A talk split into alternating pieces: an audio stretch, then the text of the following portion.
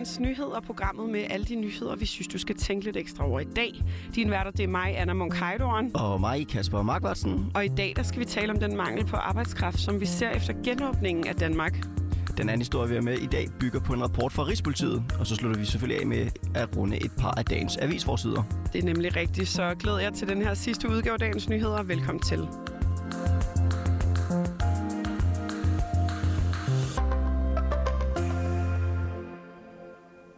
Yes, men lad os begynde ved den her rapport fra Rigspolitiet. Her har man nemlig set svindel med nem idé, og tallene viser noget for uroligende. For der er sket en tredobling i antallet af anmeldelser om svindel med nem idé fra 2017 til 2020.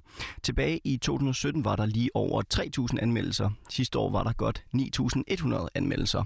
Tallene dækker over sager, hvor gerningsmænd har forsøgt at få adgang til andre personers NemID-oplysninger, og sager, hvor gerningsmænd uretmæssigt har brugt andres NemID-oplysninger.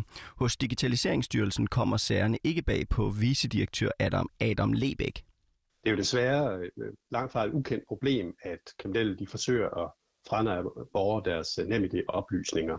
Rigtig mange borgere bliver udsat for phishing, enten via mail, sms eller telefon. Og der er det jo rigtig, rigtig vigtigt, at man er overvågen og ikke udleverer sine koder eller personlige oplysninger til svindlerne. Og det her phishing er jo, når man får en mail eller en besked om, at der for eksempel er problemer med ens bank. Så skal man lige logge ind et sted med NemID eller uploade et billede af ens nøglekort. Herefter så har svindleren så adgang til alle dine oplysninger og kan tømme din konto eller optage en masse lån i dit navn. Men fra oktober så begynder udfasningen af NemID. I stedet så kommer der MitID, som vi alle sammen skal bruge senest til maj. Meget bliver det samme. Der vil nemlig stadig være en app, man skal bruge til at godkende sit login. Men nøglekortet, det bliver droppet. I MitID, der gør vi jo blandt andet det, at vi afskaffer nøglekortet, og det er det, som mange bliver snydt til i for eksempel telefonen, når der ringer en til den, siger de fra politiet, fra banken eller et andet officielt sted, og siger, at øh, nu skal jeg hjælpe dig, du skal bruge dit nøglekort. Der, dermed risikerer man jo at komme til at udlevere nogle koder, og det bliver en lille smule sværere ved MitID, fordi man ikke har et nøglekort. Ja, og derfor så mener Adam Lebæk og Digitaliseringsstyrelsen altså, at sikkerheden bliver bedre med det her nye MitID. Men er telefonen nu så sikker? Det mener Ole Tange ikke nødvendigvis. Han er IT-politisk rådgiver hos Prosa, der er fagforening for de IT-professionelle. For telefonen er altså også en lille computer, du går rundt med i lommen, og den kan jo hackes. Derfor er sikkerhedsfolk sådan lidt, de, de skulle lidt tilbageholdende med at sige, at det er en god løsning, fordi der kan være sikkerhedsproblemer på den her telefon, når der er blevet installeret alle mulige underlige spil med huller i. Vi vil meget hellere som sikkerhedsfolk have, at, at de ting, der har noget med sikkerhed at gøre, dem har vi på noget, et, et separat stykke hardware, som ikke taler med nettet, og som dermed ikke, ikke ligesom kan blive angrebet fra, fra Nigeria for eksempel. Derfor så har han været glad for et nøglekort, for så længe man ikke deler det med nogen, så kan det faktisk slet ikke hackes. Og selvom det altså droppes, så kommer der i stedet en kodegenerator, altså en lille dims, man kan have i lommen, som laver en kode til dig, når du skal bruge MitID. Den er nemlig ikke på nettet, og derfor kan den heller ikke hackes fra for eksempel Nigeria. Men da næsten alle nu bruger NemID-appen, faktisk over 5 millioner også danskere, så er det også sandsynligt, at vi vil bruge MitID-appen. Men øh, øge sikkerheden så, som Digitaliseringsstyrelsen mener? Jeg tror, at det er sammenlignet. Jeg tror ikke, den bliver ringere af øh, Om den bliver væsentligt højere, det er jeg faktisk, det, det er jeg sgu lidt i tvivl om. Men jeg har ikke rigtig nogen stærke argumenter, hverken til den ene eller den anden side. Der er noget, der taler for, der er noget, der taler imod.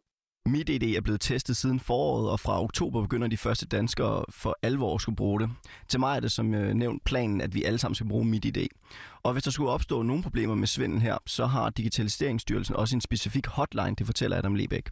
I Digitaliseringsstyrelsen har vi en hotline for identitetstyveri, hvor man kan ringe ind, hvis man og det er nervøs for, at man kan være blevet udsat for, for øh. Rigtig mange de opdager det jo heldigvis undervejs. Rapporten fra Rigspolitiet fortæller om forsøg på svindel, som, hvad det, hvor man har anmeldt det til politiet. Heldigvis opdager en, en del det undervejs og, hvad det, og får stoppet det i tide.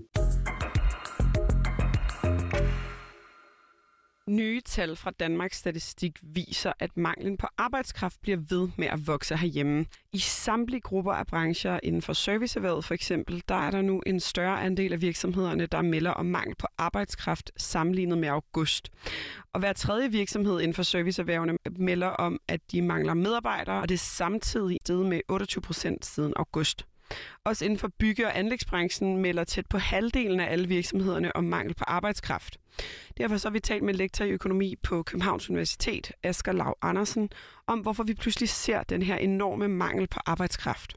Og ikke overraskende, så er det ifølge ham en eftervirkning af genåbning af samfundet. Forbrugernes efterspørgsel er vokset siden genåbningen, og det skaber selvfølgelig også efterspørgsel på arbejdskraft. Der er nogle eftervirkninger af coronapandemien først og fremmest. Det her kæmpe store forstyrrelse, vi har fået af vores økonomi, som jo i første omgang betyder, at der var en masse ting, der lukkede ned, og en masse aktivitet, der lukkede ned. Og nu her, hvor vi er ved at genåbne økonomien, så giver det altså nogle effekter, som vi ser her, blandt andet, at vi får øh, mangel på arbejdskraft i meget udtalt i visse brancher. Asger Lav Andersen kan også fortælle os lidt om, hvad konsekvenserne er et helt konkret eksempel er, at restauranter kan risikere at være nødsaget til at tage færre gæster ind for at kunne følge med betjeningen. Og i turismebranchen, som altså tæller både hoteller og restauranter, der hvor den største andel melder om mangel på arbejdskraft, her melder hele 63 procent af de adspurgte arbejdsgiver om mangel på arbejdskraft. Helt konkret betyder det for de, for de virksomheder, som står og har svært ved at uh, skaffe den nødvendige arbejdskraft, der betyder det, at de går glip af nogle ordre. På længere sigt så kunne man også godt forestille sig, at, at det her også kommer til at have betydning for løn- og prisudviklingen, altså at det simpelthen sætter pres på lønningerne opad, altså vi får kraftigere lønstigninger simpelthen fordi at de her virksomheder konkurrerer om den arbejdskraft, der så nu engang er til rådighed, og det, det kan de for eksempel gøre ved at overbyde hinanden på lønnen.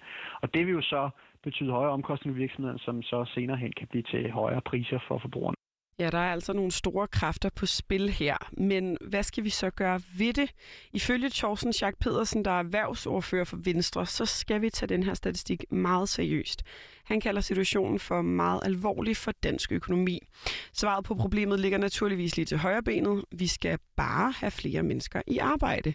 Men hvordan gør vi så det? Det har Thorsten Schack Pedersen en række forslag til.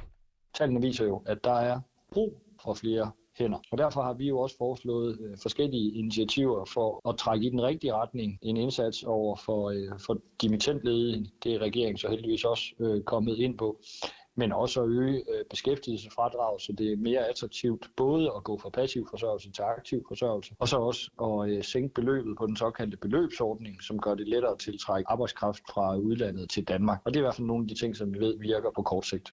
Og endnu mere oplagt, så skal vi ifølge Thorsten Schack Pedersen også have dem, der ikke er i job til at tage noget arbejde i nogle af de brancher, som er allerhårdest ramt af mangel på medarbejdere. Så er der selvfølgelig også en opgave i forhold til, at der jo stadigvæk er folk, der, øh, der er på kanten af arbejdsmarkedet, og få flere af dem ind, for der er altså ikke noget bedre end at gå fra passiv forsørgelse til aktiv beskæftigelse. Det er godt for den enkelte at være en del af fælles arbejdsfællesskab, og det er jo også en rigtig god idé for dansk økonomi. Og der ser vi jo så gerne, at vi kan gøre det lidt mere attraktivt at lave det skifte ved blandt andet at øge beskæftigelsesfradrag, så gevinsten ved at komme i arbejde den bliver større. Som Thorsten Schack Pedersen nævnte tidligere, så kan en løsning være at sænke beløbsgrænsen, altså en minimumsløn for en arbejdstilladelse, som gælder for borgere, der ikke kommer fra EU.